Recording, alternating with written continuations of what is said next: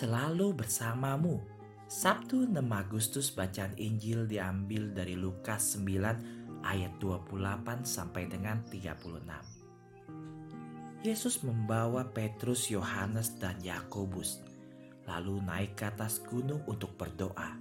Ketika ia sedang berdoa, rupanya berubah dan pakaiannya menjadi putih berkilau-kilauan.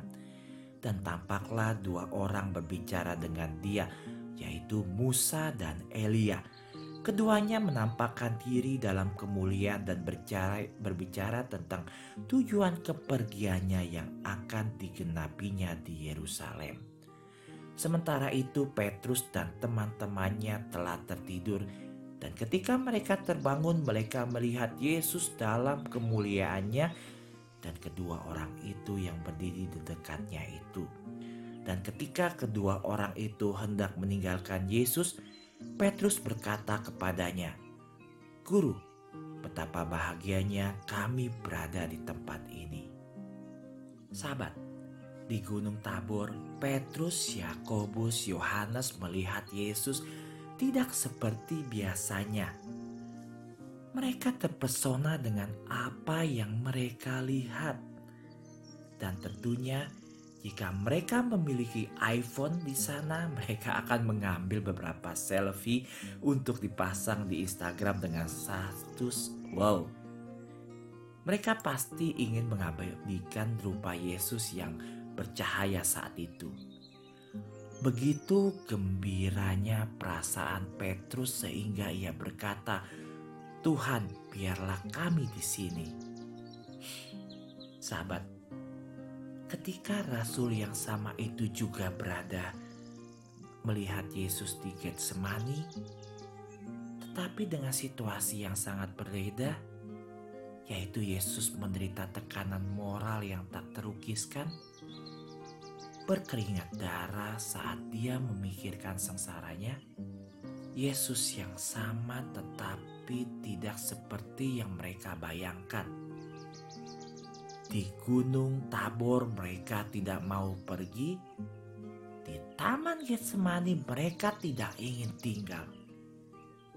Jadi ketika Yesus ditangkap mereka semua melarikan diri. Persahabatan adalah selalu menjadi teman baik atau buruk.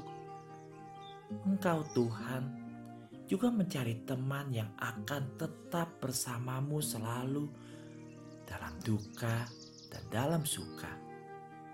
Teman yang bisa diandalkan, teman yang selalu setia, teman yang akan pergi bersamamu ke Gunung Kalvari maupun ke Gunung Tabor. Teman Tuhan bahwa engkau dapat mengandalkan apa itu Tabor atau Kalvari, cerah atau hujan, dingin atau panas, apakah mereka lelah atau bersemangat kita semua memiliki pasang surut. Kita memiliki hari-hari ketika kita merasa mudah untuk berdoa dan orang lain mungkin butuh perjuangan. Hari-hari ketika segala sesuatu tampak melelahkan, ketika kita tidak ingin berdoa, ketika kita tidak suka pergi ke misa atau berdoa rosario, Itulah saat-saat ketika kita membuktikan bahwa kita adalah sahabat sejati Tuhan. Santa Maria Bundaku, bantulah aku membawa baiklah bagiku untuk bersama Yesus di mana saja, kapan saja, apa pun yang terjadi. Bantulah aku untuk tetap sadar dalam menemanimu dengan doaku walaupun itu semakin berat.